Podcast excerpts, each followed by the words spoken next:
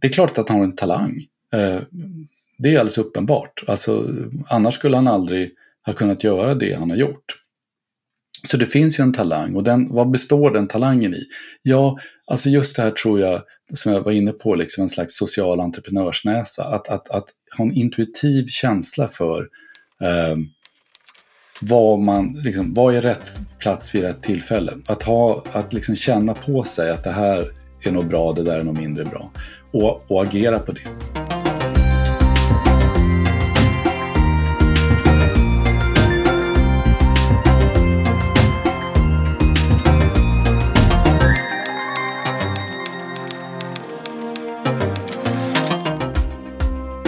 Välkomna ska ni vara till 9-5-podden som är TAM-arkivs, TCO och Sacos arkivspodd. Ja, den här gången har du ju intervjuat Johan Hakelius som är journalist. Vad kommer det sig att eh, du valde just honom? Jo, för att han har ju tillsammans med Björn Rosengren gjort boken Mitt i steget, som är en biografi över Björn Rosengren. Då är det, det är en intressant bok, verkligen. Och sen så blev jag även nyfiken på att, ja men varför just de två? För de känns ju på många sätt som två ganska olika personer. Det finns likheter, båda är offentliga personer, men, men ändå rätt olika. Och då, jag, jag var nyfiken på att höra faktiskt en hel del om, eh, om deras samarbete. Ja, ja, det är en väldigt tjock bok han har skrivit. Den ligger framför mig här. Och... Den är rädd och gäll, eh, det måste man säga. Och jag lyssnade faktiskt på den som ljudbok. Jag tyckte det var eh, väldigt trevlig upplevelse att göra det. Ja, men då får vi väl lyssna på din podd. Mm.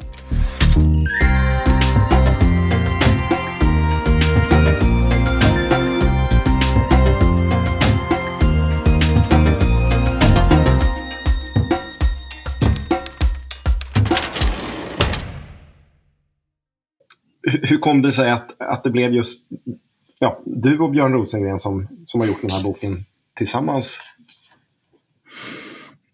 Mm, vill du ha den långa eller den korta versionen? Det får du välja. Okej, okay, jag tar den långa då. Um, så här var det, alltså jag och Björn kände ju inte varandra särskilt väl. Uh, vi hade stött på varandra. Jag kommer ganska väl ihåg när jag pratade med honom första gången, det var när jag var chefredaktör, det var nog innan jag blev chefredaktör, jag var nog bara politisk redaktör på Finanstidningen. Och eh, folk gnällde väldigt mycket över att de hade köpt Telia-aktier som inte hade gått något bra. Det var ju Björn som hade lett den där utförsäljningen av Telia som eh, näringsminister.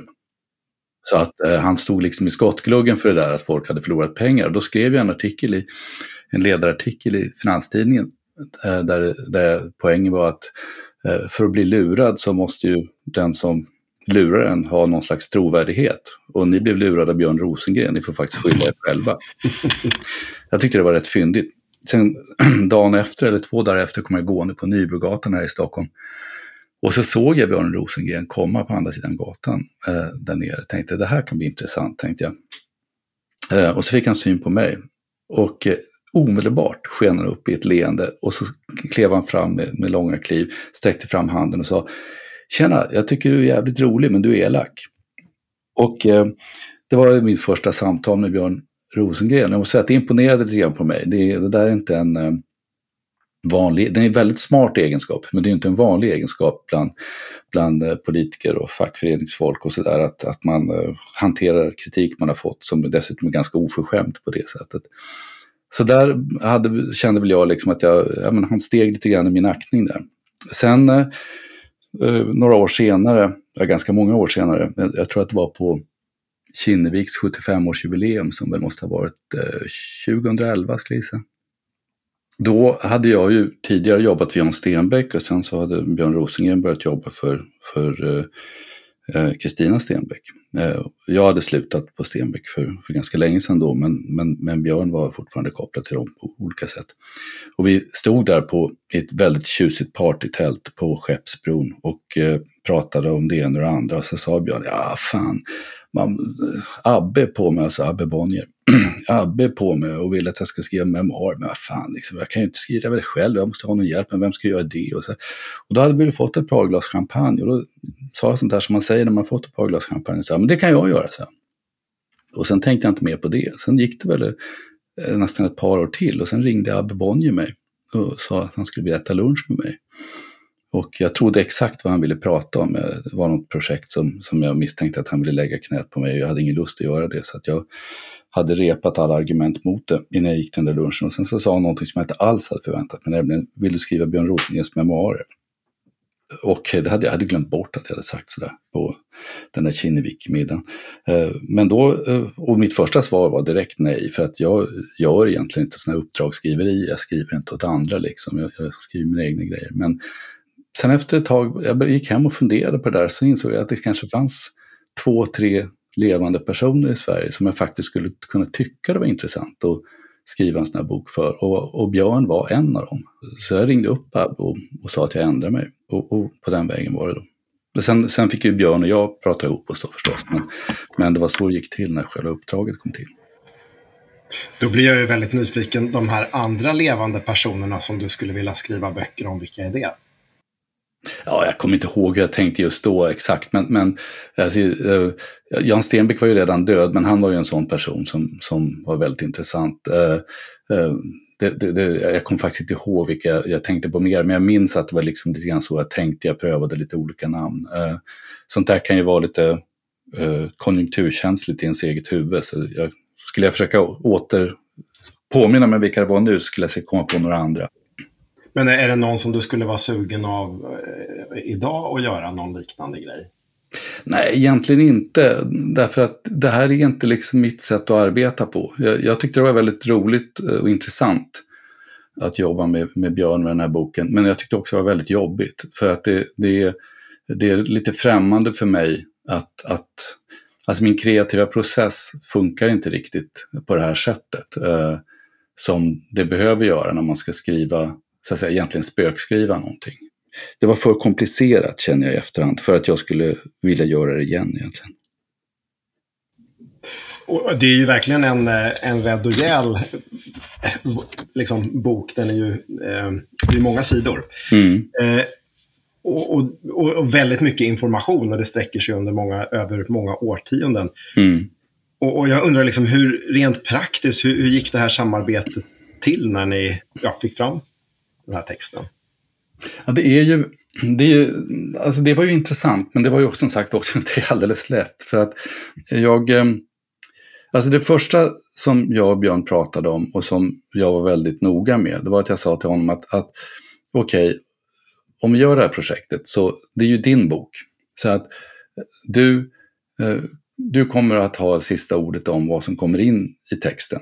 Jag kommer kanske att argumentera mot, jag kommer föreslå någonting annat så, men det är du som bestämmer till syvende och sist. Och så ska det vara, för, att det är din bok. Det är inget problem, eh, integritetsproblem för mig som skribent, för eftersom jag så att säga, har antagit det här jobbet att skriva hans bok. Det är inte min bok jag ska skriva.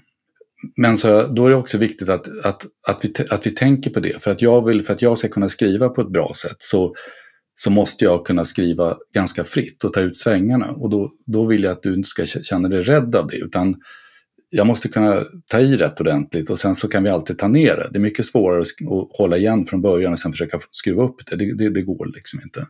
Eh, så att det var den första förutsättningen, att, att, att jag fick jobba eh, rätt så fritt liksom, i de första utkasten och sen så pratade vi om dem och, och han läste dem och kommenterade och sådär och sen så omarbetades de och så. Det var ju ett sätt att arbeta på. Men sen då, det här är du inne på, all information och så.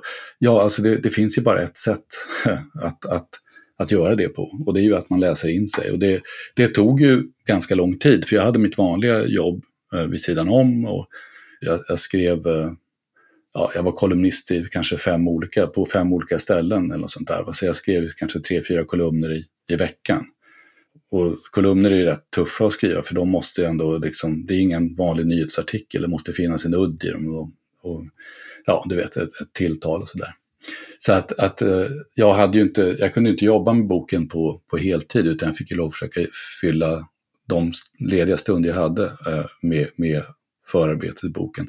Och då var det ju, nu är det ju fördelen, liksom, en fördel är ju då att, att Björns gärning är ju ganska väldokumenterad eftersom han har varit på de ställen han har varit på. Jag menar eh, SKTF, TCO, regeringen, eh, um, landshövding. Alltså allt det här finns ju dokumenterat både i, i arkiv och i medierna och sådär. Så att det finns ju mycket material. Det var lite svårare på det sättet att Björn är ju en person som alltid, och det är han fortfarande, han är en person som alltid tittar framåt. Det är därför boken heter Mitt i steget. Alltså det, mm. Han är inte lagd för att titta tillbaka. Han är inte intresserad av det. Utan han vill hela tiden titta framåt. Och det gör ju också att han, han har inte riktigt tålamod att minnas så mycket. Eh, och sen så minns han vissa grejer. Och när jag kollar upp dem eh, så visar det sig ofta att liksom, ja, men det är någonting som är skevt. Det stämmer inte riktigt. Om jag pratar med andra personer som var med eller tittar på dokumentation och sådär. Och, och så säger jag, men, men, men, men Björn var inte så här. Eh, så, ja, jo, men så kanske det var. Eh, och det beror inte på att han försöker undanhålla någonting eller, eller, eh, eller inte vill att boken ska bli bra, utan det är bara för att han, han är inte en tillbakablickande person. Så att, men följden av det blev ju ganska mycket att jag, jag fick ju gå igenom väldigt mycket skrivna, skrivet material och göra väldigt många intervjuer med andra personer för att känna att det fanns liksom en ordentlig stadga i, i den här berättelsen. Um, och det var inte alltid så lätt heller. Alltså Björn var väldigt tjänstvillig eh, när det gäller att, att, ställa material till förfogande. Han, han, var väldigt tillitsfull och det uppskattade jag mycket. Eh, men det, den där tilliten kunde ju till exempel se ut så att jag fick tio flyttlådor med osorterade dokument. eh, och där kunde det då ligga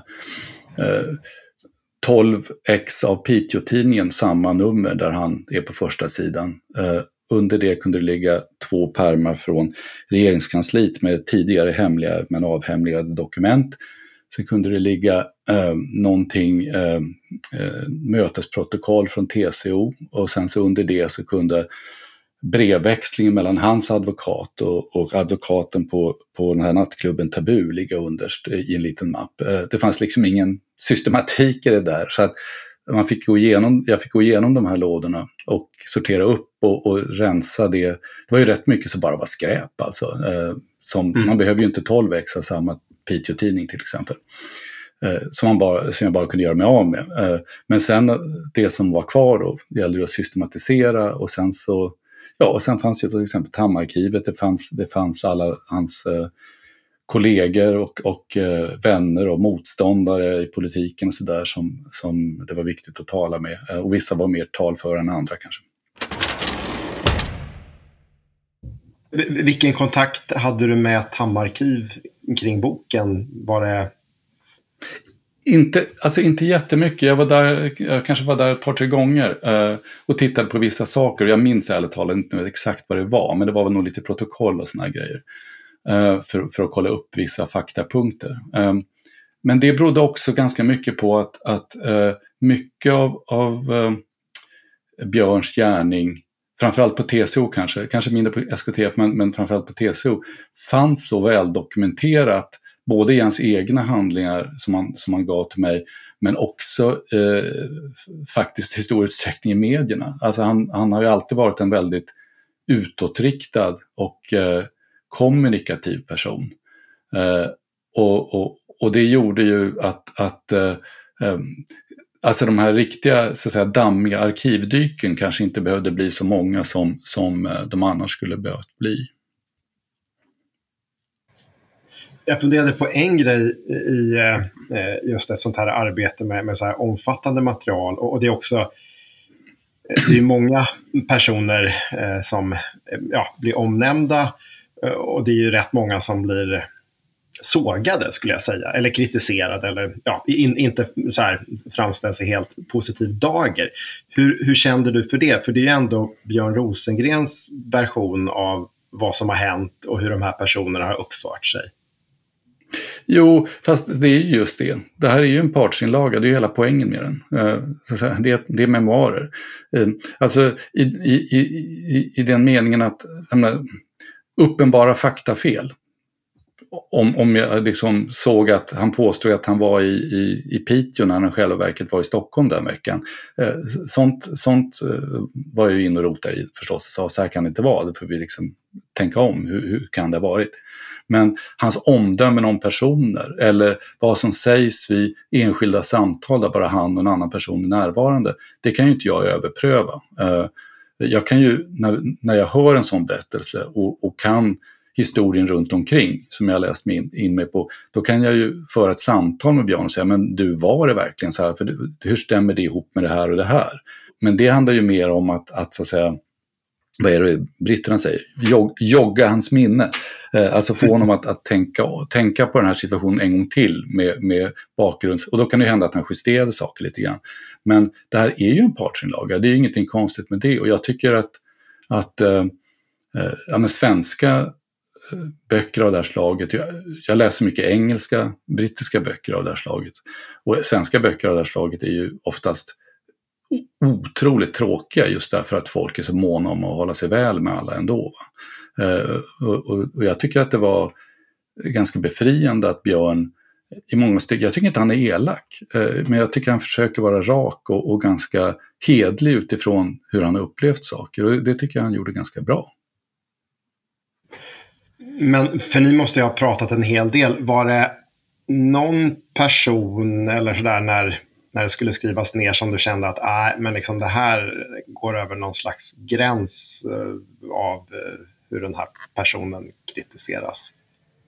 Nej, det var det inte. Det var aldrig så. Uh, alltså, utan det var kunde vara sådana tillfällen där, just som, som jag sa tidigare, alltså att Eh, jag, jag tvivlar på att det här kan stämma därför att det, det, det, matchar liksom inte med den andra informationen vi har som jag vet är sann. Eh, och då, då får man ta liksom en diskussion om det och, och hur, hur kan du missminna det här kanske? Eh, men det var ju aldrig på det sättet. Eh, vi pratade ju väldigt fritt. Det, fanns, det sades ju saker eh, när, när jag och Björn pratade som, som jag naturligtvis inte skulle sätta i skrift. Därför att det var uppenbart att liksom, det här var inte menat för skrift. Jag menar, det kan till exempel handla om Eh, att det kan drabba en tredje person eh, på ett sätt som är som, som, är orimligt. Liksom. Eh, eh, och, och, du vet, det kan finnas olika sådana här överväganden som, som inte är dugg konstiga, utan det, det, liksom, det är samma överväganden man gör som journalist om man skriver om en, en, en, en story av något slag.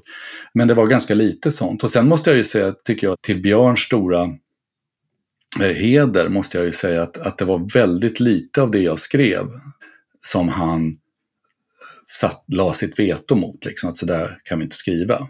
Och eh, jag kommer egentligen bara ihåg tre olika saker. Jag kan ju liksom av eh, naturliga orsaker inte gå in på detaljer om dem därför att, därför att då förtar det lite grann syftet eftersom Björn inte ville att det skulle publiceras. Så jag kan ju liksom inte tala om exakt vad det var. Men, men jag kan säga att, att, att det handlade till exempel just om det här att Eh, det fanns en, en, en så att säga, tredje man som skulle kunna drabbas av, en, av, av att man berättar någonting som som i och för sig är intressant för historien, men som på ett orimligt sätt skulle ställa till besvär för en person som egentligen inte hade någon skuld i, i, i det som, som det handlar om.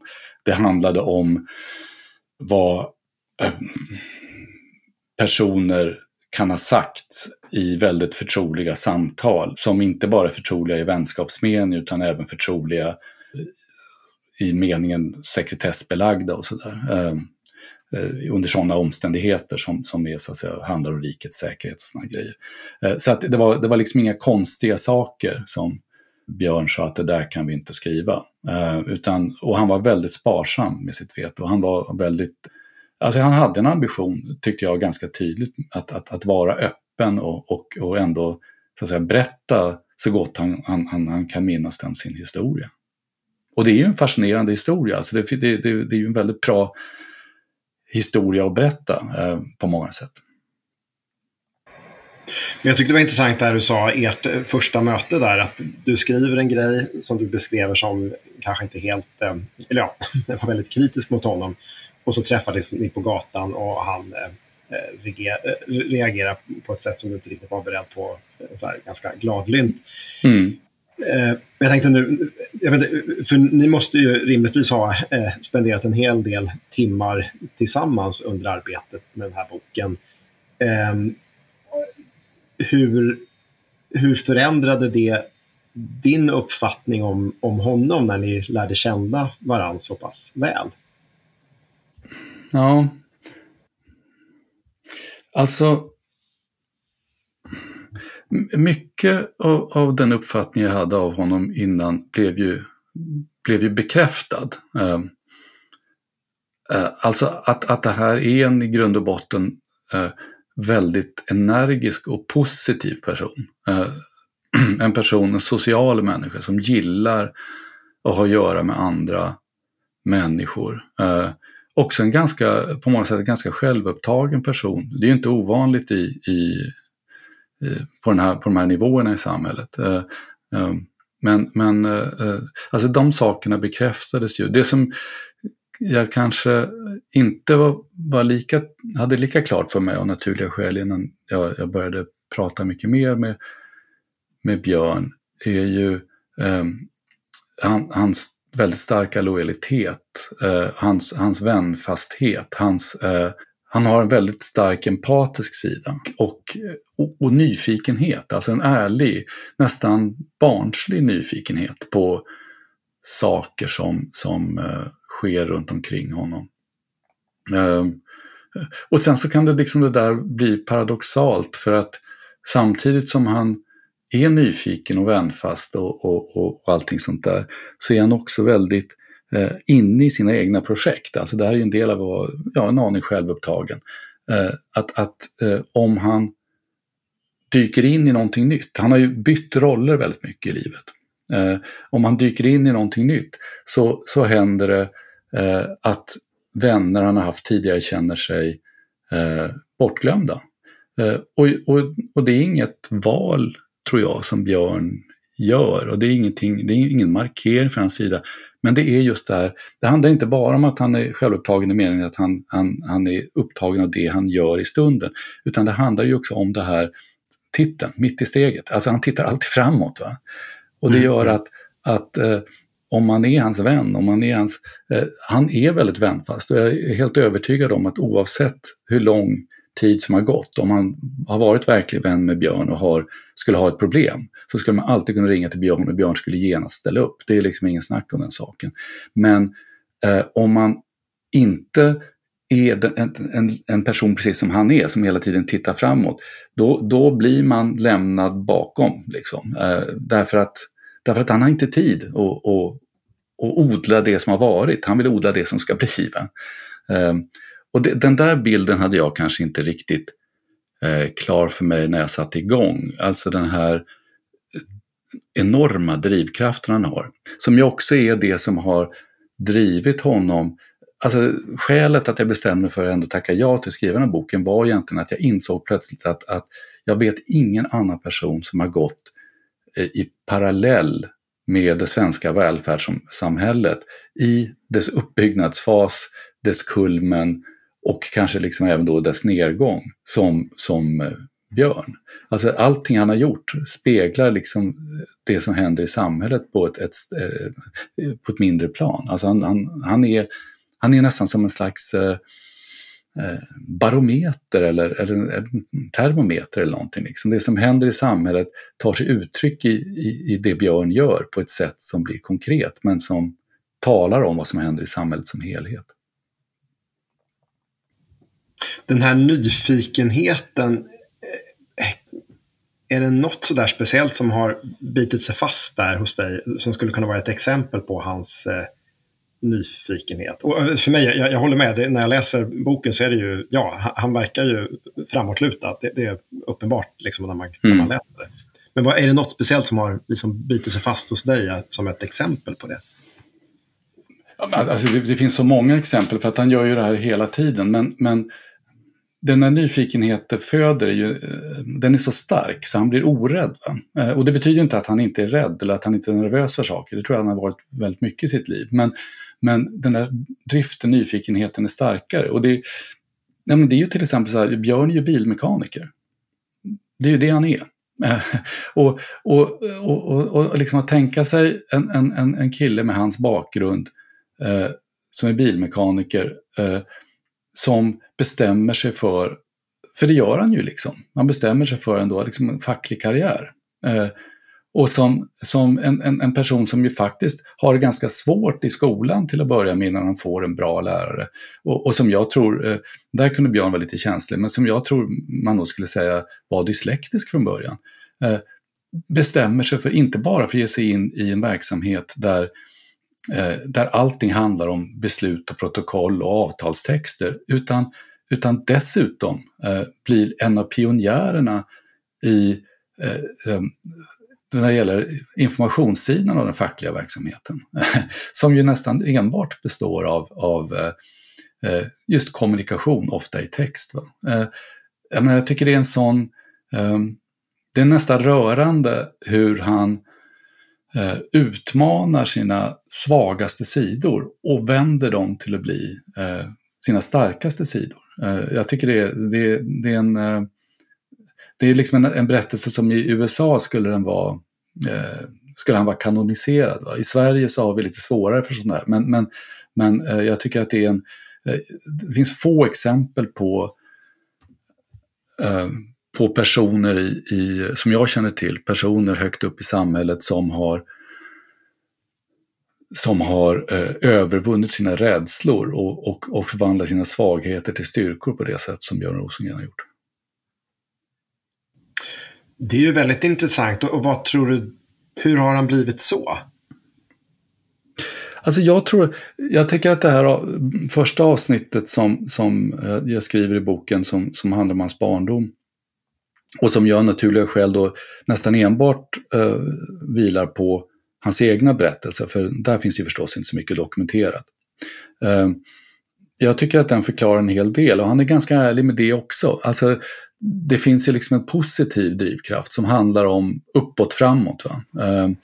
Mm. Också någonting som, där han också speglar välfärdsstaten och, och den här perioden i Sverige när arbetarbarn får möjlighet till, till att ta sig framåt i samhället på ett sätt som har varit omöjligt tidigare.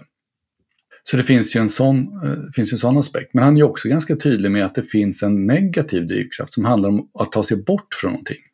Björn pratar ju ganska fritt om sin, sin pappa som, som var skräddare och duktig skräddare, men som också var ehm, eh, så att säga, hopplöst slarvig på alla andra sätt.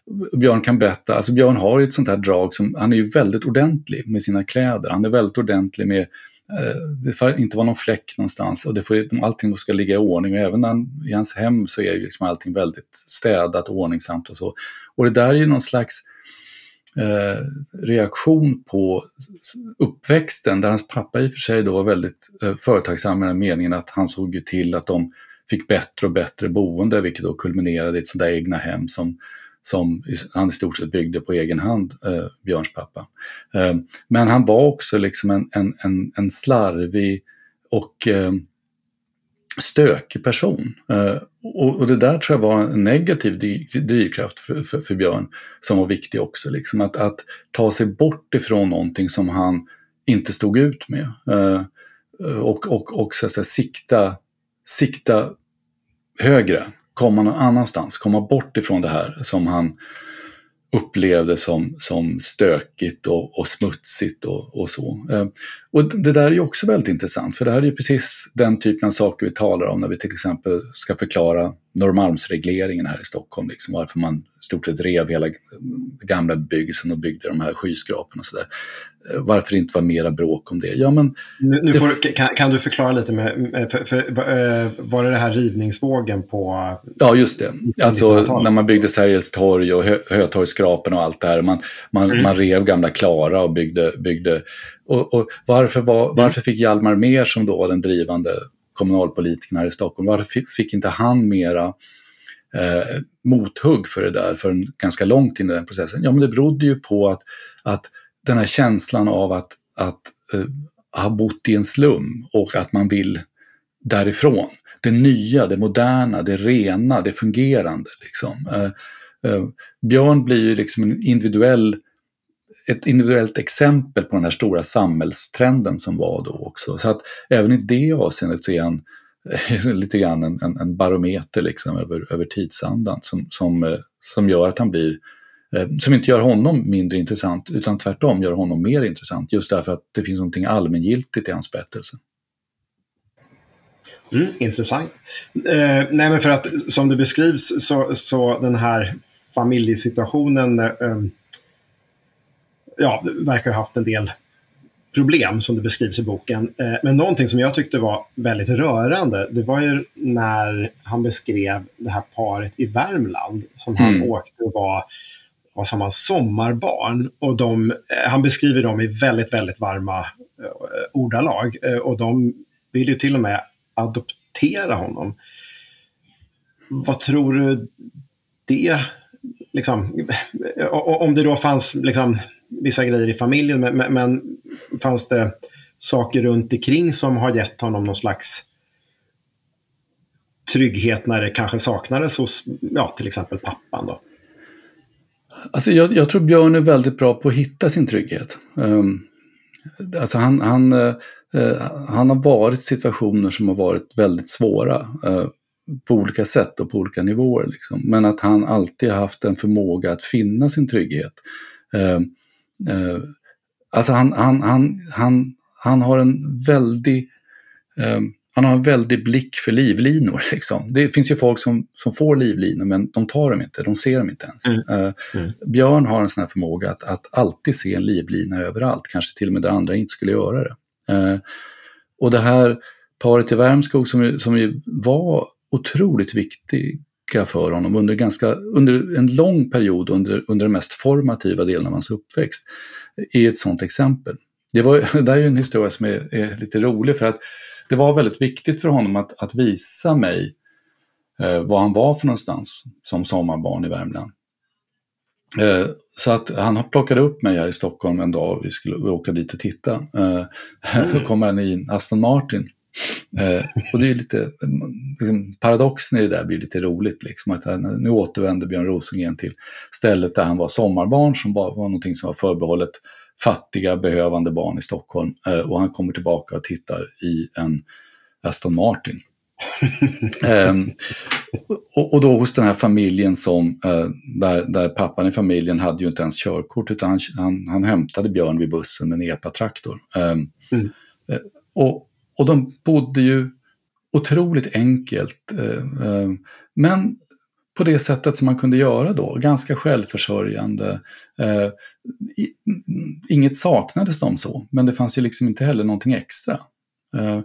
Och, och hur Björn beskriver den där tiden i sitt liv som de där perioderna på landet som otroligt lyckliga och, och, och, och konfliktfria. Eh, inte den meningen att det inte ibland blev bråk. Alltså det, han fick bannor för att han var ute och simmade vid fel tillfällen och sånt där. Va? Men, eh, men därför att det fanns en, en, en, en, enorm trygghet där som jag tror han saknade hemma. Eh, Björn var väldigt förtjust i sin mamma, kanske lite mindre förtjust i sin pappa. Eh, och sen hela den här Värmskogssaken och det här talet om att adoptera och så vidare som det ju inte blev någonting av. Det, det pekar ju ändå på att hans hemförhållanden rent objektivt var lite skraltiga. Liksom, för att annars skulle nog inte det här ha, ha skett eh, eh, på det här sättet.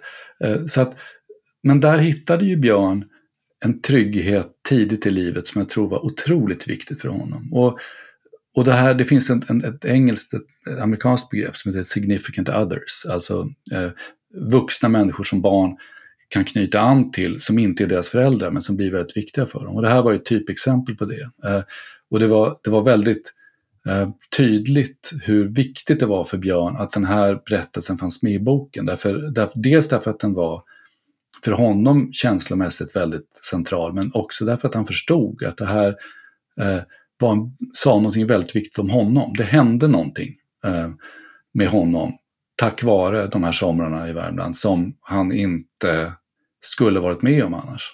Um, och, och, det la nog grunden för mycket av det som har blivit bra saker i hans liv. Um, och jag, jag tyckte det var väldigt intressant att höra den berättelsen. Och också någonting som jag absolut inte visste förrän jag började prata med honom, att det, det ledde ju till att han, han hade ju bestämt sig för att bli jordbrukare. Eh, och det, vilket är lite undligt, en, en stadsgrabb som, som, som ju verkligen är en stadsgrabb och, och, och liksom har ju inga sådana personer omkring sig i sin vardag, förutom när han är i Värmland. Då. Men han bestämde sig för att han skulle bli jordbrukare. Nu blev han, och det kanske vi alla ska vara glada för på sätt och vis, eh, blev han ju ratad eh, när han skulle in på, på lantbruksskolan. Han ansågs för klen, tror jag. Eh, men, men eh, eh, och så det blev liksom bilmekaniker istället. Men det där säger ju någonting om hur, hur viktigt hur viktig den där perioden var för honom, hur formativ den var för hur han såg på sig själv också, vad, vad han ville göra med sitt liv, vad han ville ha för typ av liv. Men det här med att hitta livlinor, det låter ju som en fantastiskt bra egenskap. Kan du nämna några andra livlinor genom Björn Rosengrens? Ja, alltså han, han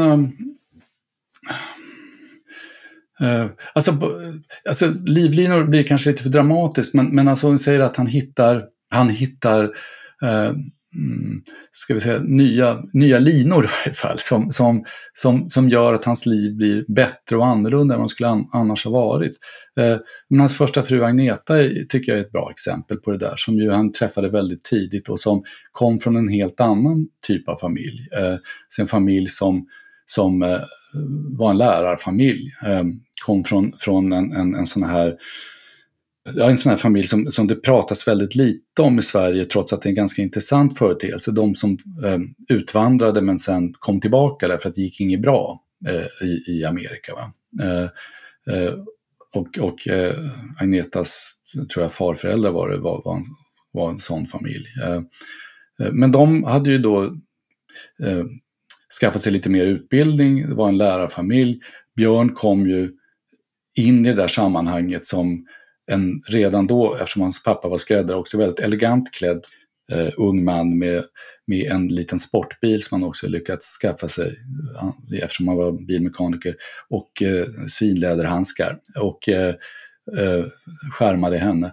Och, och eh, det där är ju någonting som, trots att, att deras äktenskap tog ju slut då, eh, men, men, men eh, det var ju långt senare. Men, men Björn är ju väldigt noga med och generös med att, att berätta hur viktig hon, hon var för honom under, under den här utvecklingsfasen och även senare. Ehm, så hon var ju en sån lina kan man säga, som också var viktig för Björns utveckling. Men sen var det ju till exempel där han kom till SKTF ganska snart, av en slump, fick han möjligheten att kliva in i rollen som, som informationsperson då på SKTF. Och då tror jag inte, alltså Björn är inte en analytisk person. Han, han, eh, jag är analytisk, jag sätter mig ner, jag läser saker, jag lägger ihop dem, jag säger A leder till B, leder till C, leder till D. Eh, Björn är en, en, eh, en intuitiv person. Jag tror inte att han tänkte när han hamnade på SKTF och fick det här tillfälliga informationsuppdraget att det här är guld, liksom, nu vet jag vad jag ska göra av det här. Men däremot hade han ju näsa för att det var precis rätt ställe att vara på just då.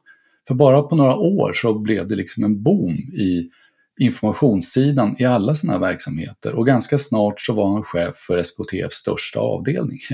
Någonting som det tidigare hade varit Eh, så här som det brukade vara eh, på, min informationsavdelningar eh, på, på, på, eh, på ställen av det här slaget. Att man satte någon som var lite hopplös eller kanske på väg att pensioneras eh, på den där posten så fick de göra en interntidning en gång i kvartalet och så behövde ingen bekymra sig över dem. Men det här blev ju liksom en, en, en, en spets i den här organisationens eh, hela verksamhet, som i många andra organisationer just under den här tiden. Och där återigen liksom så såg, eller upptäckte Björn den här linan. Eh, han har liksom, han har, han har en social entreprenörsnäsa, liksom. han vet precis eh, om man är på rätt ställe eller fel ställe och det gör att han oftast är på rätt ställe. Men just det här, för det, det känns ju på något sätt som att, ja, jag uppfattar honom väldigt mycket som en slags PR-man. För han har ju haft många olika roller, både politiker, landshövding och ja, inte minst inom, inom facket. Och, och, det är en sån person som, om jag tänker tillbaks på när jag växte upp så var det så här, ja men eh, Björn Rosengren, PG Gyllenhammar, det var, det var vissa som hela tiden var, liksom, som syntes och hördes och uttalade sig och han, han var ju en av dem. Men vad, är det någon medfödd talang eller har han hamnat i något visst sammanhang eller lärt sig av några viss, haft någon mentor eller hur, hur har han blivit den, den här PR-mannen? Men det, det, är väl liksom all of the, of the above, som de säger. Eh, samtliga svar. Alltså han... Det är klart att han har en talang. Eh, det är alldeles uppenbart. Alltså, annars skulle han aldrig ha kunnat göra det han har gjort. Så det finns ju en talang och den, vad består den talangen i? Ja, alltså just det här tror jag, som jag var inne på, liksom en slags social entreprenörsnäsa. Att, att, att ha en intuitiv känsla för eh, vad, man, liksom, vad är rätt plats vid rätt tillfälle. Att, ha, att liksom känna på sig att det här är nog bra, det där är nog mindre bra. Och, och agera på det. Det har också att göra med den här oräddheten jag var inne på. Liksom att, att, inte det att man aldrig blir skräckslagen eller rädd eller så, utan men att man har en nyfikenhet som är starkare än det, som gör att, att man um, vågar ta språng. Uh, det, det, det är liksom ett, ett, par viktiga komponenter, det finns fler, men ett par viktiga komponenter av hans hans talang. När du pratar om mentor, ja det, det, finns ett par personer som har varit viktiga för nu, nu, nu vågar jag inte riktigt gå in på det för att det är trots allt fem år sedan jag skrev boken och, och jag är inte alldeles där uppdaterad på, i huvudet på hur han uttrycker sig om det. Så att, eh, jag vill inte gå in på, på några namn direkt. Men, men eh, framför allt, det som jag tror har varit viktigast där, och det är ju någonting han verkligen har hållit genom hela sin karriär, det är ju att han har, han har väldigt lite prestige. Björn har Eh, alltså när jag sa tidigare att han är självupptagen, ja det är han. Eh, som många är på den här nivån i samhället. Men till skillnad från nästan alla som jag stött på på den här eh, nivån i samhället, samhället så har han nästan ingen personlig prestige. Han, han vet vad han är bra på. Han vet vad han är dålig på. Han hymlar inte med det och han, han talar om det öppet. Och det gör också när han väljer medarbetare. Då väljer han medarbetare Därför att han vet att de här personerna fyller luckor jag har. Och sen lyssnar han på dem. Han, han, alltså I den meningen har han ju haft väldigt många mentorer och som är väldigt olika honom. Uh, Sture Nord eh, till exempel, va? som ju är en, en gravt analytisk person. Eh, väldigt olik Björn Rosengren. Och man skulle kunna tänka sig att de aldrig skulle kunna vara i samma rum egentligen. Men det är inget problem därför att Björn har ingen, inget prestige på det sättet. Han är, har inget problem med en som folk säger åt honom liksom, att det där är du för dålig på. Utan då säger han, jaha, okej, okay, men hur ska vi göra då? då? Eh, och det där tror jag eh, är, är, det är, en väldigt, det är en väldigt ovanlig egenskap eh, eh, bland personer på den här nivån.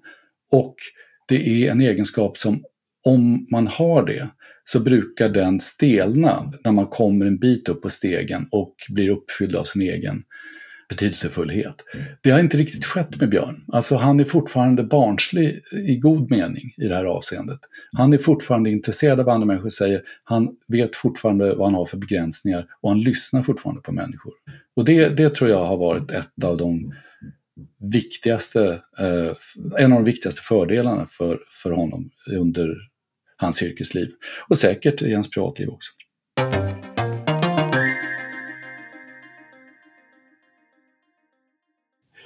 Eh, en grej som naturligtvis är beskriven i boken, det är ju eh, det här med den här ja, tabuaffären. Eh, och även, eller dels det här vad som enligt Björn Rosengren hände, men sen också hur det har påverkat honom. Det här har blivit en sån här grej som har förföljt honom. Eh, och det beskrivs ju även i boken vid en viss period när, han, eh, när han var under isen skulle man kunna säga, eller deprimerad som jag förstod det. det den här affären, hur, vilken betydelse har det fått för honom? Ja, den var väldigt betydelsefull. Alltså affären i sig är ju med förlov sagt ganska ointressant. Eh, det, är ju liksom en, en, en, en skitsak. Han befinner sig på en, en strippklubb, porrklubb, eh, vid fel tillfälle och alldeles för full. Va? Det, det, är liksom, det är den enkla sammanfattningen. Och eh, gör av med för mycket pengar sen finns det liksom massa mytbildning kring det här, vad som egentligen hände, och vem var det egentligen som var där och, och, eh, och, och eh, vems pengar var han använde och så vidare. Men allt det där går ju, eh, det mesta av det där går ju liksom att, att, att eh, eh, slå hål på eller, eller förklara hur, hur saker gick till. Och, och jag är rätt övertygad om att, att eh, med det jag höll på och rotade i där, jag, och jag hade ju tillgång till precis jag menar, all, all korrespondens mellan hans advokat som ju lustigt nu också heter Björn Rosengren och, eh, och eh, den här porrklubben Tabus advokat och sådär. Eh, och det var ju liksom en sjaskig affär men väldigt, alltså ärligt talat väldigt ointressant. Men däremot så fick den ju en e-, enorm, alltså det, dels är den ju intressant därför att om, man, om jag säger så här att, att Björn har behållit den här barnsliga nyfikenheten och att han inte fyllts av sin egen betydelse till den grad att han, att han har tappat den. Nej, men han fylldes av sin egen betydelse som TCO-ordförande så att han han, han eh, tappade omdömet på andra sätt. Och det här, det här var ju, den här tabuaffären var ju ett, ett, ett utslag av det. Eh, alltså att han hade, eh, ja, han hade surfat på en framgångsvåg som, som till en grad eh, så, så, så, så, kraftig att han förlorade proportionerna. Och, och, och det var därför han hamnade här, det tror jag man kan säga. Det tror jag nästan han skulle hålla med om själv. Men men sen så då efterspelet blev ju e-, enormt Alltså det, det, här, det här är ju liksom, det här, det här man är glad för när man ska skriva någons memoarer. Det här är ju liksom en grekisk tragedi va? med hybris och katarsis. Det är eh, övermodet och sen så kommer eh, slaget och liksom, eh, man får lov att, att, att plocka upp bitarna. Eh, eh men då är liksom i de grekiska dramerna, precis likadant här, va? Så, så, så kommer man ur det här eh, som en, inte nödvändigtvis gladare och, och, och, och eh, eh, eller en, en, egentligen en bättre person, men en annan person. En, en, en person som är något mer mogen, har liksom lite mer, en, en till erfarenhet under bältet som inte var rolig men, men utvecklande. Och alltså Björn, han, han var ju, eh, alltså en, en, person som är så social som Björn är och som är så beroende nästan av att ha folk omkring sig. Att tänka sig att han, han blev så deprimerad av det här och stigmatiserad av det här och, och att han satte sig ju, han isolerade sig. Och eh, Agneta, då, hans dåvarande fru, fick ju, han fick ju nästan med våld dra ut honom i, i, eh, i offentligheten igen. Där satte vi väldigt djupa märken i Björn. Samtidigt så måste jag säga att, att uh, han bytte ju inte personlighet. Alltså, på något sätt, det finns ett sånt uttryck på engelska, roll with the punches, va? Att, att, att man, personer som har förmåga att alltid resa sig, vad som än händer. Och det finns ju ett sånt drag hos, hos Björn också. Alltså det är inget snack om att han var otroligt djupt nere eh, emotionellt och, och, på andra sätt efter den här affären. Men han tog sig tillbaka och han, det är intressant hur han tar sig tillbaka. Han tar sig inte tillbaka mm, med någon slags lågprofilgrej utan eh, han blir landshövding liksom och han blir den mest populära och mest publika landshövding som, som de har haft i Norrbotten. Han kommer inte tillbaka och är bitter på pressen eller någonting. Han vet, han förstår hur pressen fungerar, han förstår vad ett drev är och han, han, han eh, har en bättre, han kanske är mindre naiv och, och, och när det gäller sådana saker. Men han är inte bitter. Han är, jag har aldrig hört Björn säga liksom något sånt här ilsket, irriterat, nedsättande ord om journalister. Det gör jag dagligen. Eh, men, men jag har inte hört honom men säga Men du är ju journalist. Nej, jag är ekonom egentligen, men jag skriver. Men, men, eh, men jag, eh, jag, jag, kan, jag, kan, jag kan orera rätt mycket om vad jag tycker är, är tillkortakommanden hos journalister både som individer och, och kollektiv. Men, men det gör inte riktigt Björn. Alltså han, han kommer ur det här eh, och det till att börja med är en ganska stor prestation med tanke på hur, hur, hur, svårt det var för honom. Men han kommer också ur det utan att förlora liksom sina kärnvärden. Han är fortfarande nyfiken, i grund och botten optimistisk, i grund och botten tillitsfull. Och jag ärligt talat har lite svårt att förstå hur fan det där går till. Eh, men inte därför att han inte har berättat det, utan därför att det psykologiskt är ett, ett, ett rätt så eh, enastående fenomen. Liksom. Jag, jag, vet inget annat exempel på, på någon som har, som har gjort den där resan på det sättet. Men din analys, för jag kan, om man lyfter det här ett steg till och inte ens så här, Björn Rosengren, men just de här grejerna med väldigt välkända personer. Och det känns att det finns ju inte ett exempel utan jag kan ibland uppleva att om någon är tillräckligt mycket offentlig person så förr eller senare så, ja, alla människor gör ju dåliga grejer då och då, men att det, det är någon grej som lyfts fram och att det blir den här liksom, häxjakten. Mm. Eh, det, ja, det, men det, det, har ju inte hänt en person, det händer ju titt som tätt. Mm. Men tror du att det liksom bara är något som är inbyggt i hela det här och att det, det är så det kommer fortsätta vara? Eller vad? Ja, men alltså, det, det är ju inte, det är ju egentligen, det, just den biten är ju ingen, det är ju ingen liksom raketforskning, det är ju ganska enkelt. Eh, har man ett uppdrag, särskilt förtroendeuppdrag, och sen så missbrukar man det förtroendet på något sätt, då kommer folk att säga ifrån. Och då kommer pressen att rapportera om det. Så jag menar, det, det, är ju inget konstigt. Så kommer det ju naturligtvis alltid att vara. Eh, jo, men det, när det, det, finns ju folk som har drivits till självmord och det har inte hänt en gång. Nej.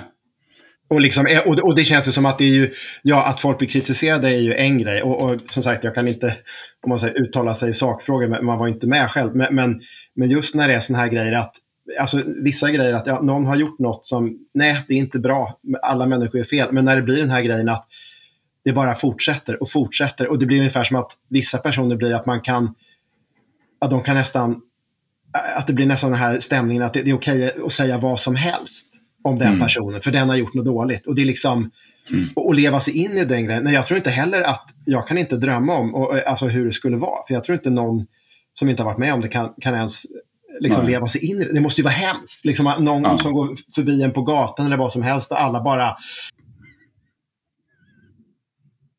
Mm. Nej men så är det ju, och det här berättar ju Björn mycket om, liksom, hur folk ropade porrbjörn efter honom på mm, stan mm, och sådär. Och det, mm. det är ju klart att det är, och det är också så här att om man är en person som, som kanske också har, som det ofta är när man har den här typen av uppdrag, som bygger mycket av sin identitet på att man har en prestige, eller inte prestige, en status. Man har en mm. status, man har, man har eh, ett anseende. Så blir ju det här, det är ju ett skott liksom rakt in i det viktigaste av allt. Alltså, det, det, säger ju någonting om Sverige också, alltså det här förekommer ju i alla länder naturligtvis, eh, och det vet vi också. Men, men, men Sverige, att Sverige är ett sånt litet land gör ju att det här ibland kan bli ännu värre, så att säga. Det finns liksom ingenstans att fly, det finns inga motröster, det finns inga det finns ingen eh, del av landet man kan förflytta sig till där det här inte är ett, ett, ett, ett sånt där drev inte är, är, står i centrum. Va? Och, det där är ju baksidan av att, att, ett, att ett litet land också kan skapa en väldig trygghet eller för den delen lyfta personer som Björn Rosengren väldigt fort. Därför att har man, känner man rätt tio personer och som de tycker om en, då, då blir det ganska lätt att ta sig fram. Så att det här är ju baksidan av, av eh, det som också skapar ett litet samhälle trygghet och, och, och, och stabilitet. Det är ju att, att när det bryts så, så blir det också jäkligt tufft. Och det här är ju, det är som du säger, sånt här har ju levt, lett till självmord och andra saker.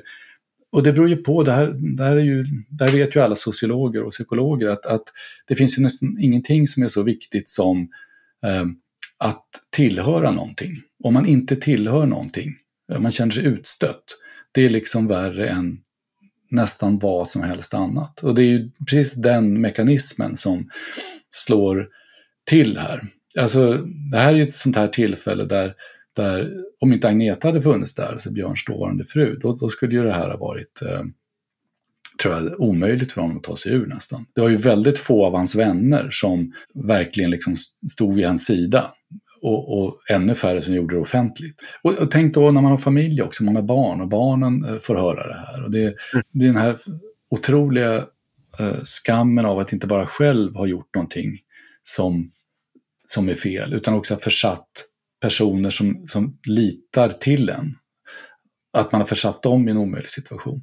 Men som sagt, alltså där, han hade ju då en, en väldigt stöttande, stark och, och lojal hustru. Och kom ur det här med tiden. Och jag tror också att, att eh, det fanns ju någonting hos när, han, när han sen gör comeback och sådär och när han får bli landshövding. Och, och, eh, det finns ju någonting hos, hos, eh, hos en sån som Göran Persson som, som, eh, som gör att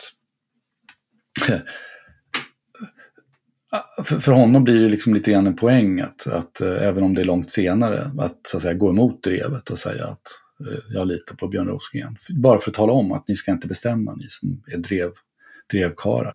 I och med att han höll ut och i och med att han inte gav upp så, så kunde han ju liksom komma upp igen. Och nu tror jag ärligt talat att det är ganska få som tänker på Björn med hela den där tabugrejen i huvudet. Eh, det, det känns väldigt passé. Eh, finns det något särskilt som Björn Rosengren har arbetat med som du tror kommer ha stor betydelse på sikt för svenska fackföreningar? Jag tror att det, det är lite svårt att säga det, och, och, och, åtminstone två skäl. Alltså dels därför att fackföreningsrörelsen har ju förändrats så enormt sen, sen, eh, sen Björn var aktiv på riktigt där. Eh, alltså, de har en helt annan roll idag och helt andra typer av mål och hela lönebildningsprocessen ser helt annorlunda ut. Och, och ja, du vet, det, det, finns ju nästan ingenting som är som det var då. Eh, alltså, Björn höll ju på mycket med PTK och såna grejer. Det, det här är sånt som, eh, det, är, det är inte aktuellt längre. Det kanske blir det igen, men, men eh, så de bitarna eh, det betyder ju inte att han inte gjorde någonting viktigt, men han, han gjorde ju någonting viktigt som med nödvändighet liksom är daterat, tidsbundet. En del av de andra sakerna han gjorde har ju spelat roll. Jag, menar, jag tänker på TCO-certifieringen som han ju inte kom på, utan det var ju någon annan som kom på. Men, men, han ändå drev den rätt hårt eh, och förstod att det var en bra sak att driva. Och det blev ju en väldigt eh, stor världsomspännande grej där var han ju banbrytande i, i att se att, att facket kan ha en bredare roll än bara den som handlar om att förhandla om löner och arbetsvillkor i någon enklare mening. Eh, och där kan man väl säga att där har han ju satt spår, för den, det var väl liksom en, en, en banbrytare just för breddningen av, av fackföreningsrörelsens uh, uh, uppgifter som jag tror har varit viktig också för att eh, de gamla uppgifterna kanske inte av alla uppfattas som lika angelägna längre. Och då är det viktigt att man hittar andra saker att göra då förstås. Ehm, han var ju naturligtvis en, en, viktig person i just det här skedet när fackföreningsrörelsen utökade sin informationsverksamhet väldigt mycket. Men jag skulle inte säga att han var så mycket pådrivande där som att han var eh, på rätt, återigen, eftersom han är Björn Rosengren, på rätt ställe, eh, rätt ställe vid rätt tid. Eh, och, och, och gjorde, eh, tog liksom tidsandan och gav den en enorm utväxling. Eh, det gjorde han ju. Men han uppfann ju inte den saken, det var inte riktigt det han gjorde. Jag tror att, att dels därför att Björn fungerar som han gör, det vill säga han, han är en person som eh, har en förmåga att, att koncentrera, fokusera och utnyttja tidsandan. Både för sig själv och de organisationer han jobbar för. Och eh, dels därför att fackföreningsrörelsen förändras så mycket så tror jag att den där frågan är svårbesvarad. Jag, jag, jag tror inte liksom att det är så. Det är inte det som är det mest intressanta med Björn Rosengren, att han lämnar efter sig en, två, tre, fyra spännande saker i fackföreningsrörelsen som kommer att ligga där i årtionden framåt vad är det som eh, är det mest bestående avtrycket han kommer att ha gjort enligt dig? Alltså, det mest bestående överhuvudtaget? Mm.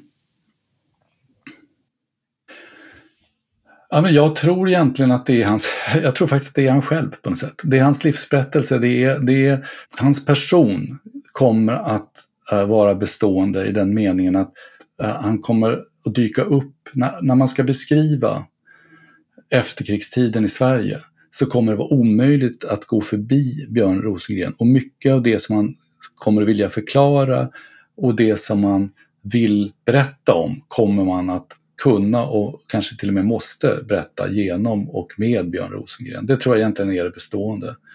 Att han har varit så central i sin samtid på så många olika sätt. Det, det tror jag liksom är det han ja, sen så lämnar han ju efter sig familj och sådana här saker som, som kommer att minnas honom på andra sätt. Men om vi tänker på honom liksom som samhällsvarelse så tror jag att det är det som är, är det centrala. Mm. Ja, men intressant.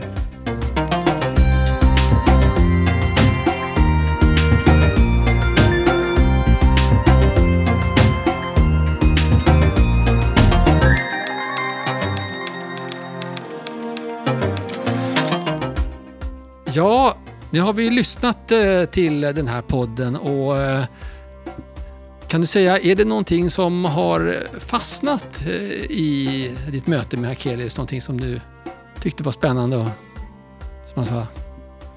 Ja, en grej. Det skulle jag säga, som jag tyckte han framförde också, att Björn Rosengren verkar inte riktigt vara någon som ägnar så mycket tid åt att blicka bakåt, utan han på något sätt väldigt sådär framåt lutad, framåtblickad. Och det är ju det är intressant och kanske inte så vanligt heller. Nej, det kan man nog säga. Det är inte så vanligt.